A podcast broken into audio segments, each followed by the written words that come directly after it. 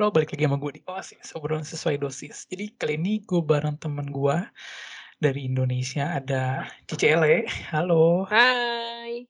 Ele pernah rekaman sama gue, sekarang lagi di Bandung. Terus ada satu lagi temen gue yang lagi di Bali. Siapa? Halo, aku Iren. Aku Iren.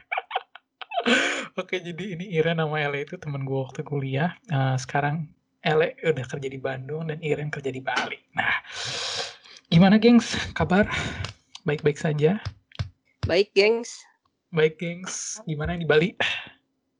Aman, Ah, kenapa? aman di Bali, makmur sentosa. Ah, Makmur Sentosa. Oke. Nah, jadi ke, di podcast kali ini kita mau ngomongin tentang kreativitas nih. Sesuai judulnya kita mau ngomongin tentang kreativitas tanpa batas. Nah, gue mau nanya dulu nih sama orang yang baru pertama ikut podcast gue nih. Gue mau nanya menurut lu tuh kreativitas tuh apa sih? Iren, menurut Iren apa nih kreativitas menurut lu? Kreativitas. Kreativitas. Waduh, Waduh. ya.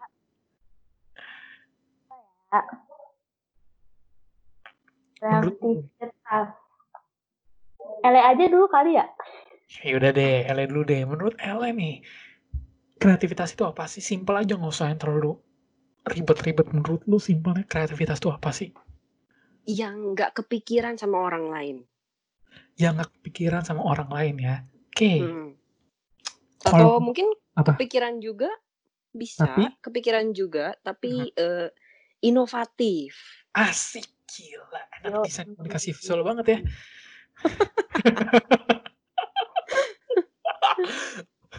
Oke, jadi yang eh, yang nggak kepikiran orang lain atau yang kepikiran orang lain tapi inovatif. Gila Ya bahasa boleh lah ya. boleh keren keren keren. Nah, kalau menurut Iren nih, kreativitas itu apa sih menurut lo? Kreativitas itu sesuatu yang memecahkan masalah. Sesuatu yang memecahkan masalah. Jadi Iya. kalau misalkan em, gue lapar, gue masak, itu kreatif. Yoi. Yoi, tergantung apa yang lo masak. Kalau misalkan gue lapar, gue masak telur, itu kreatif nggak? Gila kreatif banget, Gap. Jadi Telurnya diapain dulu? Mungkin telurnya bisa ditambahin tomat, ditambahin apa, nah itu kreatif. jadi kalau gue cuma ada telur doang sama minyak, dibuat apa? Eh, mungkin telurnya bisa kali ya di dicetak-cetak dibikin hati atau mungkin dibikin susu kalau Oke, ya oke. Oke, jadi jadi jadi menurut lo adalah kreativitas itu adalah sesuatu yang bisa memecahkan suatu masalah. Oke. Ya. Nah, kalau kalau kita ngomongin kreativitas gitu ya, apakah tiap orang ini punya kreativitas nggak sih? Kalau menurut lu gimana? Apakah tiap orang punya kreativitas atau kreativitas itu bisa dipelajari atau bisa ditemukan atau harus kayak gimana sih? eh, ini lu, lu nanya ke gue ya Iya, gue gue sini Iren cuma satu. sebenarnya eh, kreativitas bisa dimiliki siapa aja kok Mhm. Mhm. tapi nggak ada tapinya sih semua orang eh, punya Asal kreativitas ada niat kali ya. ya asal- asalkan ada niat Oke, jadi tiap orang Tapi tuh pasti eh, kan kreativitas luas kan, Mhm. mungkin tergantung eh, halnya nih apa dulu nih. Tuh. Oke. Kalau menurut CL ini kreativitas tuh apa sih? Eh, kok kreatif Kok itu apa? pertanyaan sama sama lagi? Tiap orang tuh punya kreativitas nggak sih? Ada dong. Pasti ada. Tergan ya tergantung lu mau mikir atau enggak. Ya kalau nggak mau mikir ya nggak akan kreatif kan. Oke. Asik. Si kreativitas ini harus dipelajari atau emang natural tiap orang punya gitu loh. Ah, Natural. Oke. Oke. Nah, sekarang kita sekarang kita lagi di ke dunia, dunia ini lagi ngalamin pandemik ya, lagi ngalamin suatu kondisi yang bisa dikatakan eh, apa ya? Menurut gua kurang menguntungkan emang nggak menguntungkan sama sekali.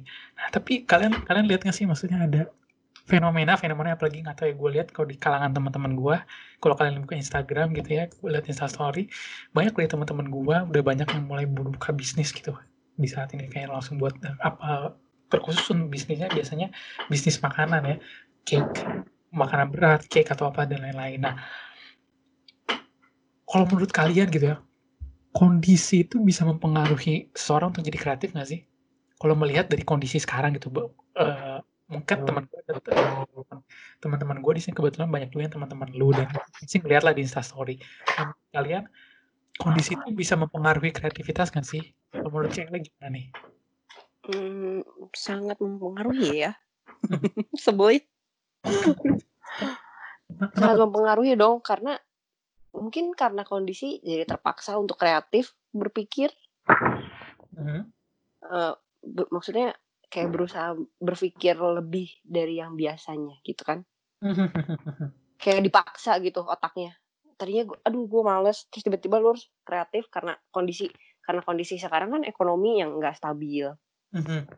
Tiba-tiba misalnya lu uh, di PHK dari perusahaan lu lu harus cari duit dong buat makan yes kecuali lu nggak mau bertahan hidup ya ya lu leha-leha aja di kasur sampai mati gitu Oke. bakal kepaksa dan bakal kreatif sih.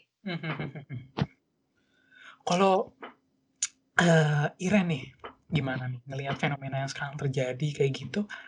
Uh, Fenomenanya apa? Fenomenanya banyak orang sekarang buka bisnis langsung berinovatif, berinovasi menurut kakak sama kayak kata uh, Cici Ele tadi. Berinovasi. Nah, kalau menurut Iren gitu, kondisi itu mempengaruhi sekali nggak sih dalam orang untuk bisa kreatif? Yo, apalagi sekarang um, kondisinya di mana orang-orang udah dalam hal pekerjaan aja, kan banyak yang di PHK atau digaji, potongnya digaji kayak eh gajinya dipotong kayak gue. Nah, itu apa namanya uh, orang-orang ya kayak tadi kata Ele juga orang-orang kepaksa dan terdesak eh, terdesak buat pikir gimana caranya dia buat bertahan hidup. Yes, mm. nah itu dia yang namanya kreativitas memecahkan masalah. Jadi karena terdesak terus yo iya terus uh, apa namanya uh, orang-orang terpaksa gimana caranya untuk bertahan hidup akhirnya dia berjualan uh, dan akhirnya dia bisa dapat uang untuk bertahan hidup gitu. Oke, okay, nah uh, tadi uh, lu sama Iren tadi sama Iren sama sempat mention bahwa orang kepaksa gitu ya. Nah ini gue sempat baca sempat baca sebenarnya nggak baca ini gue nonton di YouTube. Itu nama uh, gue nggak tahu ya mungkin kalau yang dengar bisa uh, benerin atau klarifikasi. Tapi ini adalah nama teorinya nama teorinya ada burn the boat uh, psychology gitu. Jadi burn the boat psychology itu jadi ceritanya ada uh, kapten. Waktu dulu kan pelayar pelay sailor pelayar pelayar kayak gitu bajak laut gitu ya. Mereka datang ke satu pulau terus uh, jadi si pelayar ini sama krunya ada 500 orang mereka mau nge apa namanya menginvasi satu pulau gitu. Mereka udah sampai di tepi pantai terus pas nyampe situ uh, krunya krunya krunya ini pada takut ah enggak nggak mau ah. Takut siun.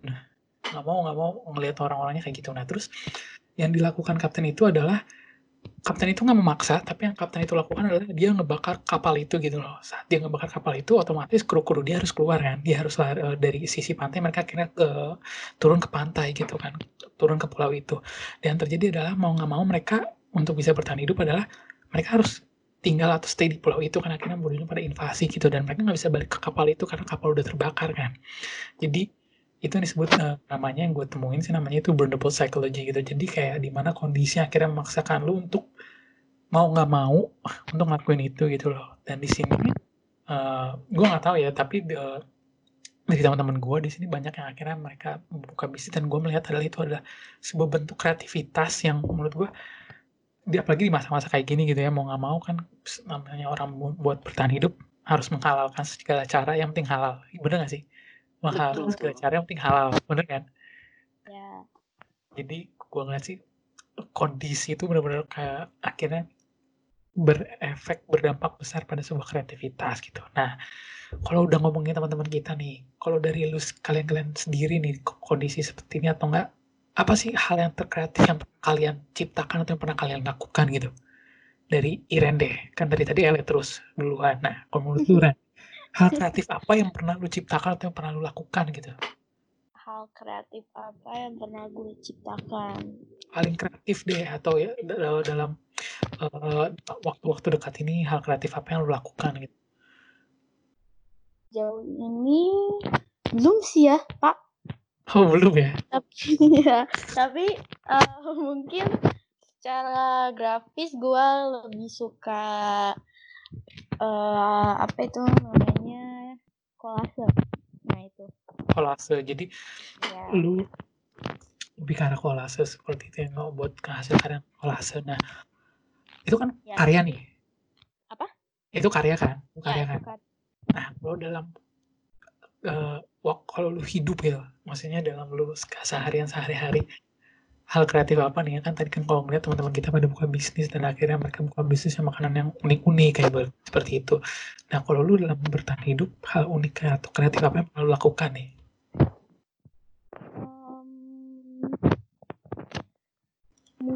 Mungkin lebih ke kalau ini nih ya kalau ini kalau ini kreatif gak jadi gue waktu itu tuh pernah uh, pertama-tama di Bali mm -hmm uh, ini gue survive nih. Terus uh, mungkin karena gak ada uang nih gak ada uang jadi gue makan cuma ada oatmeal mhm. terus pakai uh, kacang teri. Nah itu enak-enak aja. Nah itu kreativitas gak maksudnya uh, kreatif kan kreatif. Kreatif.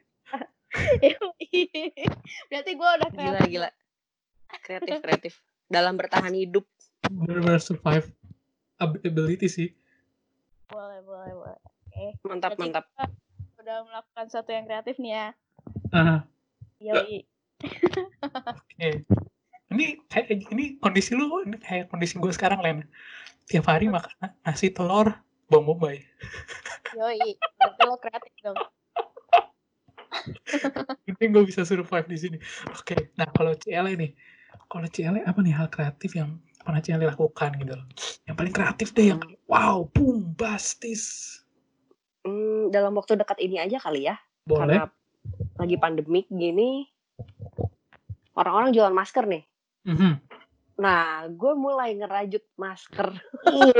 Mantap. Jadi kalau mau beli rajutan. Iya ini masker selalu ya rajutan asik kayak kemarin kan sial nih sekarang mau beli rajutan apa pun apalagi sekarang masker gitu ya kan buat gaya-gaya juga boleh dicek di Instagram di Supa Ele nanti Asik. nama di, di deskripsi ini namanya soalnya susah ini jadi ngebuatnya ini ya rajutan masker ya Yoi. tapi tapi emang sih karena ini rajutan kan lu tau lah ya Gap ya lu hmm. punya rajutan salah satu rajutan gue asik asik yang dipakai dipakai waktu winter kemarin ya pakai terus.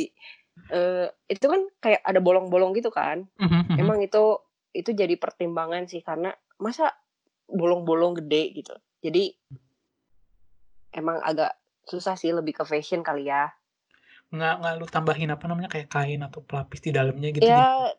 bisa sih tambahin furing atau kalau nggak lu tambahin tisu gitu.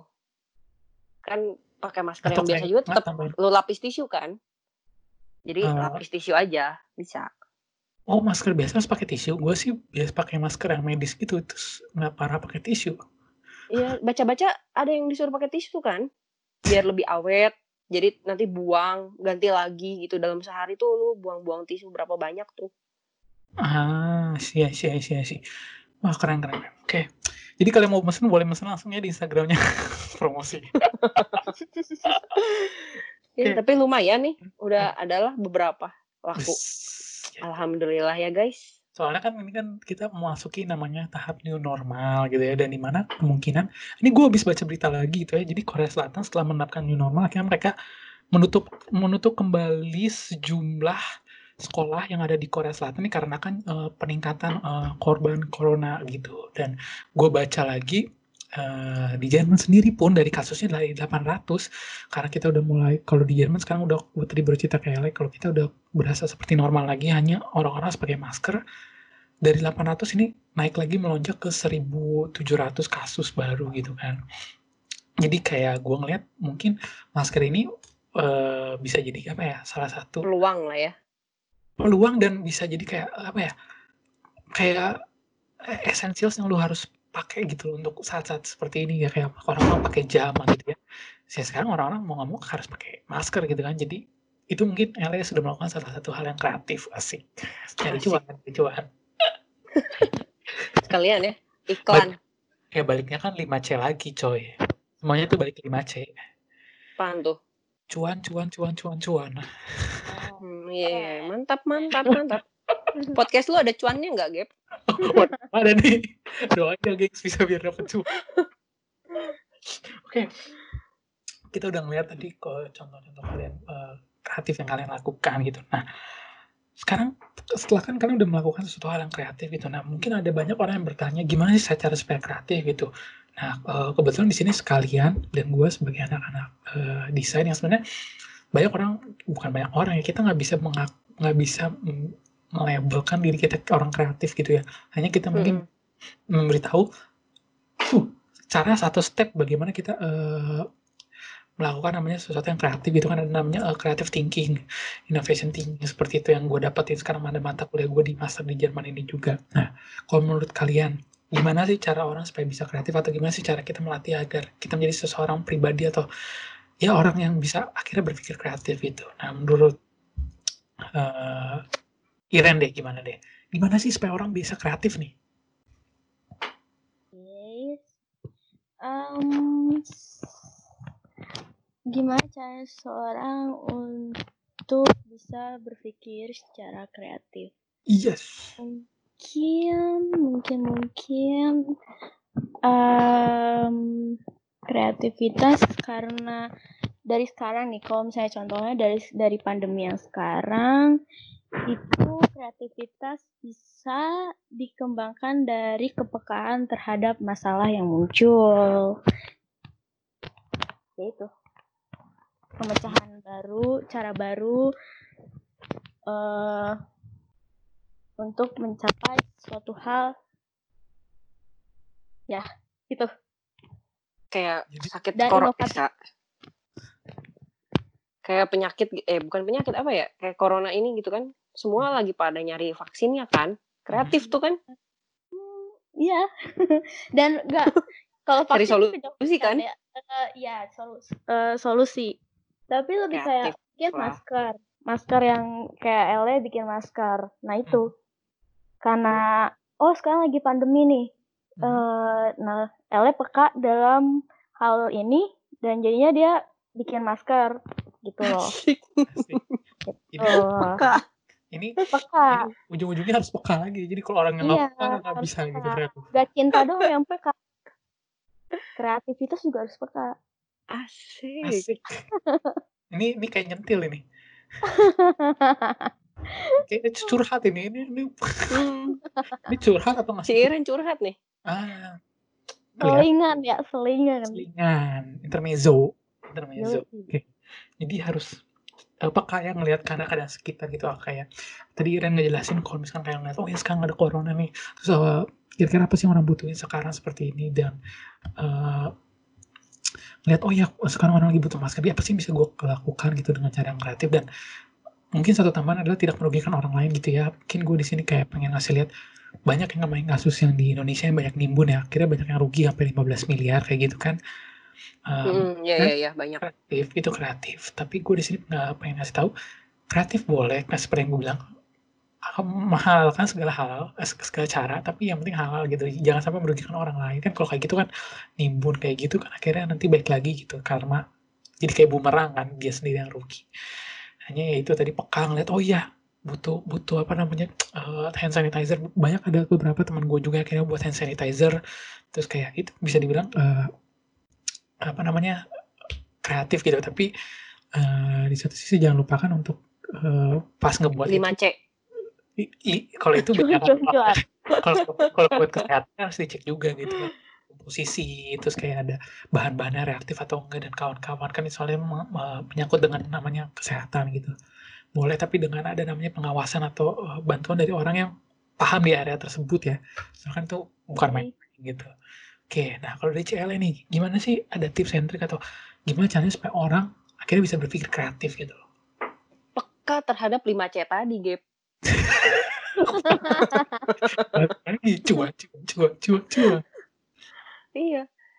Lu mau 5C, ya lu harus kreatif gitu. Jadi beda ya obrolannya sekarang ya. beda ya. Lebih beda, uh. Lebih sekarang ujungnya cuan cuan cuan ya. Iya, mikirinnya duit mulu gitu kayaknya ya. Iya. Mana sekarang lagi susah duit kan? Nah, itu. makin mikir itu loh. Itu. Tapi ngomong-ngomong kalau mm -hmm. misalnya kayak teman-teman kita nih yang jual makanan lah atau hand sanitizer gitu ya. Mm -hmm. Mungkin mereka tuh WFH kali ya. Mm -hmm. Jadi kayak ada waktu luang gitu loh. Oke. Okay. Personally gue nggak bisa masak. Gue juga nggak. Kalau gue nggak bisa masak, gue juga nggak akan masak gitu. Nggak akan jual makanan. Bener gak sih? Tapi itu di sasari banyak tuh kayak lu lagi sering banget update makanan nih. Oh ya itu mah makanan buat gue sendiri lah. Oh buat lu sendiri. Tapi sekarang lebih banyaknya makanan ya. Makanan sih dan gue ngeliat makanannya apa ya gila sih apa ya gue bilang keren sih uh, uh, ada yang uh, uh, makanan beku ada yang juga makanan yang fresh uh, organik ada juga yang makanan yang maksudnya yang packagingnya bagus banget gitu kan. Terus kayak makanan cake-nya tuh kayak bener-bener menggugah selera banget kayak pengen hmm. gue pesen gitu. Tapi masalahnya gue di sini pesannya gimana? Emang di Jerman nggak ada ya? Eh kalau di Jerman sih gue aja tadi habis makan doner le. Udah kotak-kotak udah pada buka restoran udah pada buka. Habis beli nasi goreng kan memenuhi lidah Asia gue gitu. Jadi kayak rela-rela ke Frankfurt beli nasi goreng doang. Emang emang enak ya? Nggak akan enak kan Uh, soalnya nih kalau kayak kalau di sini ada beberapa restoran, uh, kalau restoran Asia, chef dan yang punya Asia lagi gitu kan ya. Jadi gue ini kalau tadi habis tadi namanya Hongkong Bistro, itu terkenal banget. Jadi kalau orang mahasiswa atau pelajar yang ada di Indonesia, yang ada di Frankfurt gitu ya, mereka pasti tahu di situ gitu. Soalnya porsinya banyak, harganya murah, rasanya tuh Asia banget. Nah. Ada micinnya nggak? Ah jelas, itu ada micinnya. Jadi itu yang oh. ngebuat itu ngebuat enak gitu loh. Iya kan itu yang mantap kan? Itu yang sampai mesen apalagi kalau misalkan take away porsinya tuh porsi kuli gitu kan. Itu kan wah itu kan wah. porsi porsi anak kuliah banget gitu kan. Porsi hmm. enak murah porsi kuli. Hmm, gimana nggak rela? Bukan nasi padang dong ya yang porsi kuli ya? Di sana juga ternyata bisa porsi, porsi kuli. Bisa bisa. Malah kalau di sini nasi padang uh, di toko uh, restoran Indonesia ada di Berlin. Gue sempat kemarin ke sana nasi padangnya nggak porsi kuli eh. Kecewa. Mm-hmm. mahal tapi oke okay lah lidah gue akhirnya menyentuh namanya rendang lagi. Tapi ya dengan harga menyentuh. dan, dengan harga dan posisi gitu sih ya mending di Indo lah. Oke. Okay. oke deh Gap. Gue balik okay. nanya. Oke. Okay. kalau lu sendiri hal kreatif apa yang udah lu lakuin selama pandemik ini? Waduh kalau mau manjangin jenggot ya manjangin jenggot. Itu kenapa? Kreatif udah sepanjang itu, apa nih jenggot lu by the way? Ahmad Dani. Hal kreatif ya hal kreatif. Apa yang gue lakuin? Wah, gue belum nyiapin bahan nih. Kayaknya, nah soalnya kalau kalau gue nggak banyak, kalau gue kayak lebih ke uh, home exercise gitu kayak gue lebih banyak kayak tiap, tiap pagi gue olahraga seperti itu. Hanya kalau untuk hal kreatif yang gue lakuin adalah karena kan kita banyak ya sekarang pada work, WFH ya work from home dan banyak akhirnya lowongan kerja itu yang remote job gitu kan. Akhirnya itu yang gue lakukan adalah gue banyak uh, remote job sebanyak mungkin. Terus gue mikir mumpung gue lagi di rumah gitu kan berarti waktu gue banyak ya nggak uh, biasa kan habis kayak harus keluar harus siap-siap mandi terus pakai ambil kendaraan uh, apa public transport terus nunggu kayak gitu kan jadi lebih efisien jadi yang gue lakuin gue sekarang mau pelajari uh, skill-skill baru gitu kayak gue belajar uh, 3D modeling, gue belajar buat game kayak begitu. Jadi hal kreatif adalah yang gue lakuin sekarang adalah gue mempelajari skill-skill baru apa yang bisa gue pelajari gitu loh. Mantap. Kan kayak jadi akhirnya kemarin gue kayak uh, Jadi ada di kelas kan, di kelas sekarang lagi pada lagi tugas akhir kan, jadi ada beberapa yang minta tolong gue untuk buat 3D modelnya kayak gitu. Dapat 5 C enggak, Gap? Enggak. Lu lagi merantau tuh harus tetep 5 C-nya tetep, Gap. Eh, gak, yang gue bukan 5 C, jadinya 5 B. Apa, Apa tuh? Bocuan, bocuan, bocuan, bocuan, bocuan. Oh, iya. Mantap. Watir. Watir pisan. Aduh. Oke, nah. Balik lagi nih sekarang. Ini pertanyaan terakhir dan untuk menutup sesi podcast kita gitu. Ya, aku Eh. terakhir. Iren udah mulai terbiasa gitu ya ditanya-tanya. Biasa ya. Biasa ya kan. Nagih. Gue udah gak pernah ditanya-tanya nih.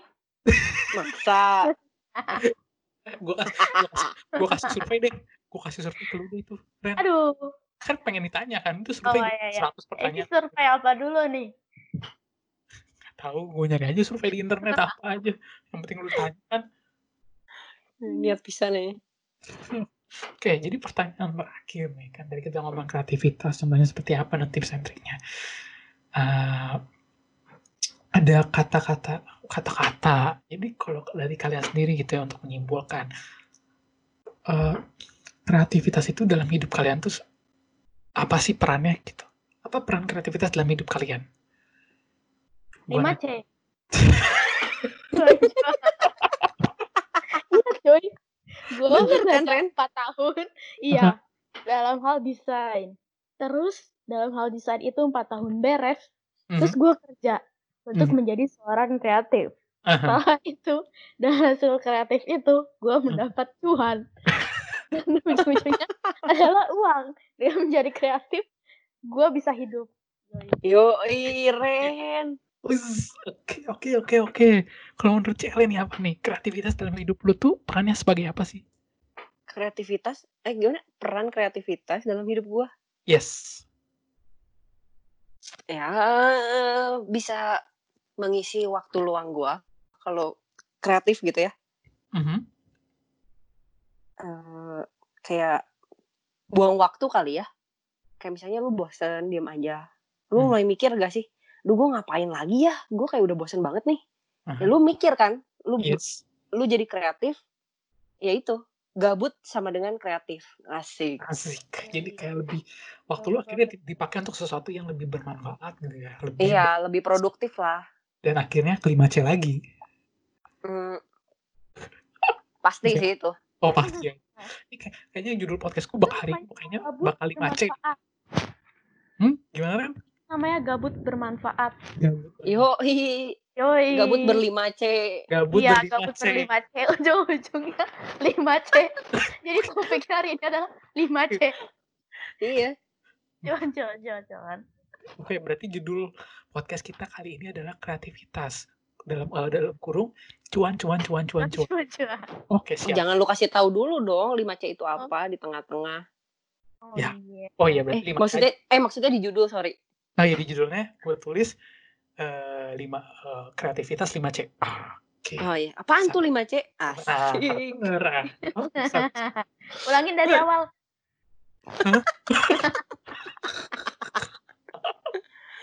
Jadi ganti topik ya.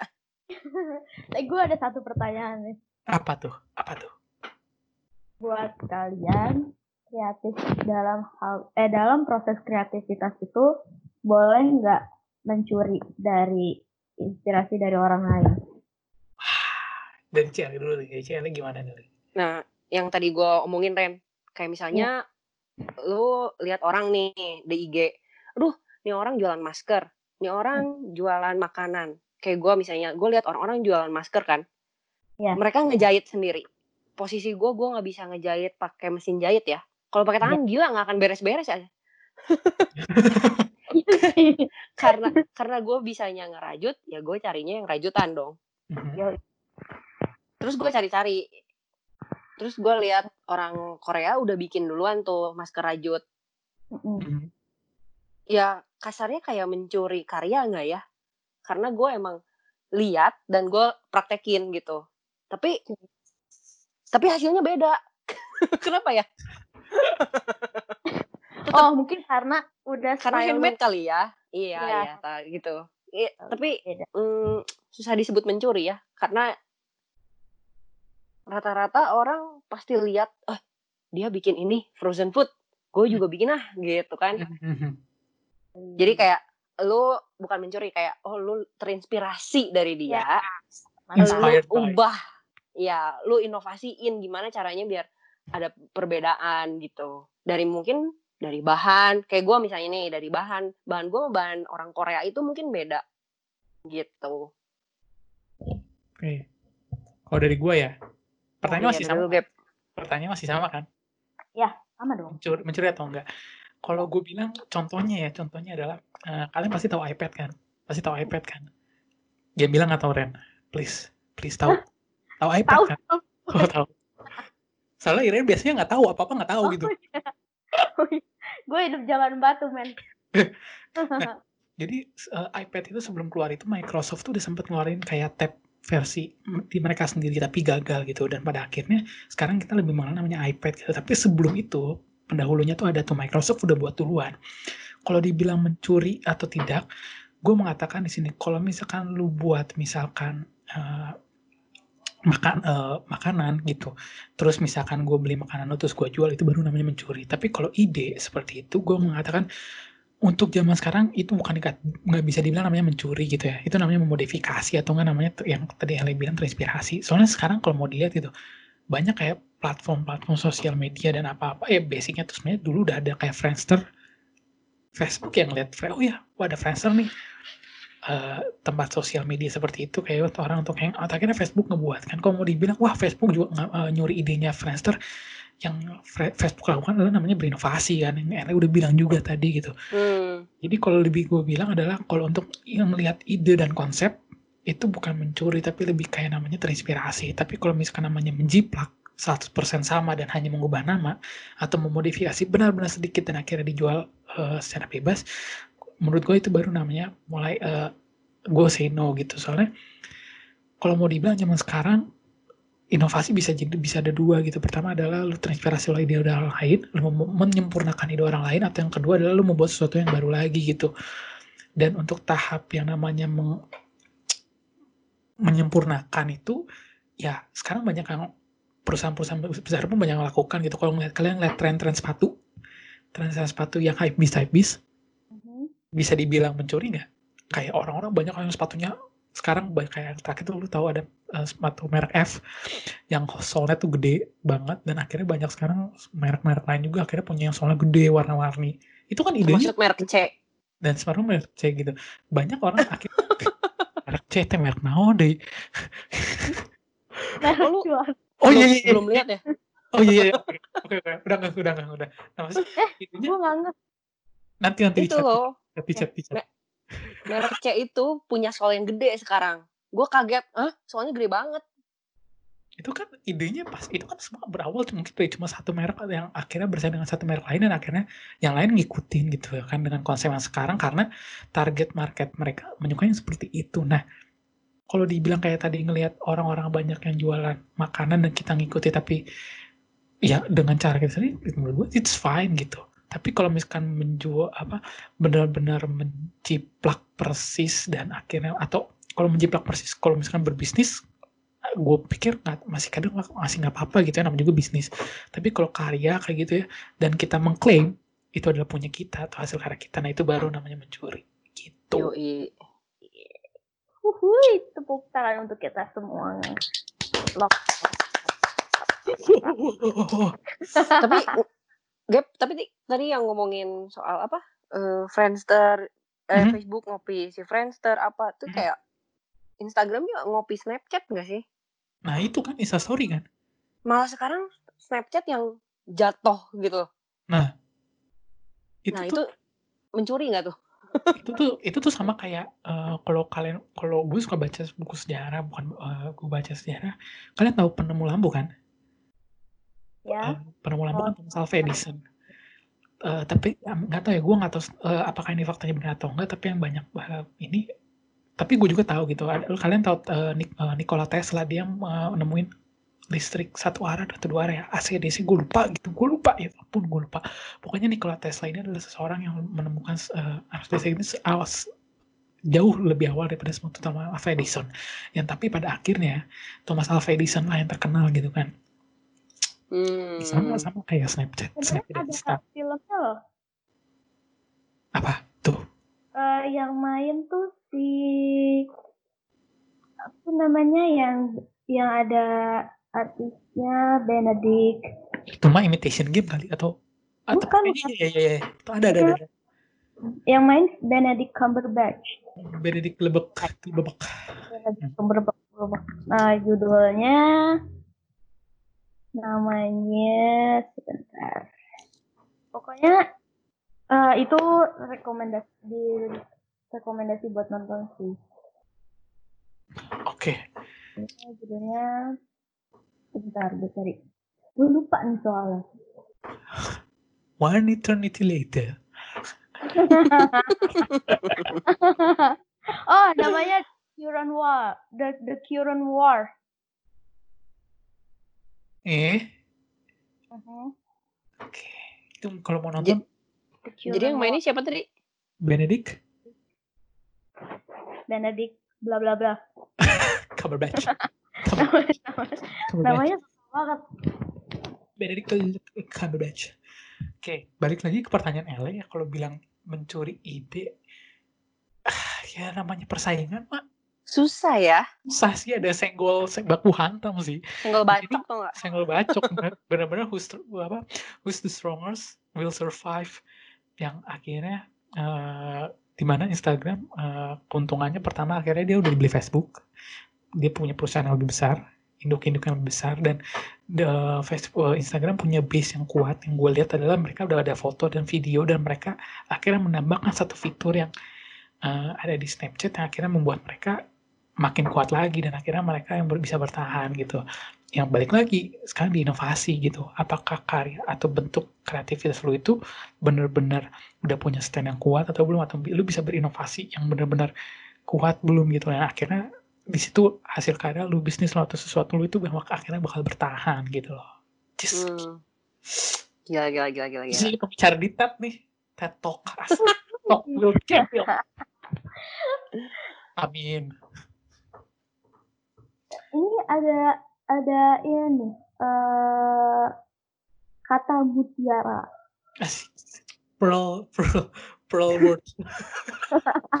Maksa aja. Mutiara. Kata Yoshiji Yamamoto. Asik. Ya siapa tuh? Kreativitas. Bentar, siapa namanya? Siapa namanya? Yoshiji Yamamoto. Salah, bacanya bukan gitu. Apa? Yoshiji Yamamoto. Oh, yoi. Yoshi Yamamoto. Yamamoto. Oke, okay. ya. silakan dibaca. Katanya uh, ini seperti bahasa Inggris nih, ini mohon maaf. Kalau ininya seliburan. Uh-huh. Start copying what you love. Katanya itu. Copy, copy, copy. At the end of the copy, you will find yourself. Nah, mantap. Mantap. Jadi gue nggak termasuk mencuri lah ya. Oh, tidak. Hmm. Dan ada satu lagi katanya dari Austin Kleon. Dari garbage mana in sama dengan garbage out. Jadi uh, kalau kata dia itu intinya kurasi dengan baik sumber inspirasi yang mau kita tiru. Nah, karena dari uh, sumber inspirasi itu yang yang kita tiru itu adalah sumber kreatif di mana kita berkarya. Jadi um, dari situ kita bisa ketemu stylenya kita sama seperti kata si Yuji Yamamoto. Masako. Masako. Ajinomoto.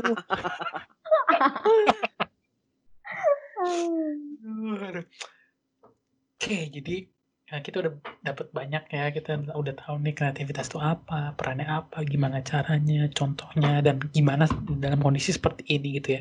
Jadi gue harap buat kalian-kalian yang dengar kalian bisa ngerti apa itu kreatif akhirnya gimana sih cara buat kreatif dan dalam kondisi seperti ini apa yang harus kalian lakukan. Dan mungkin juga ada yang mungkin tertarik untuk beli masker rajutannya mungkin bisa dikontak di list di nomor di bawah ini eh bukan TV ya.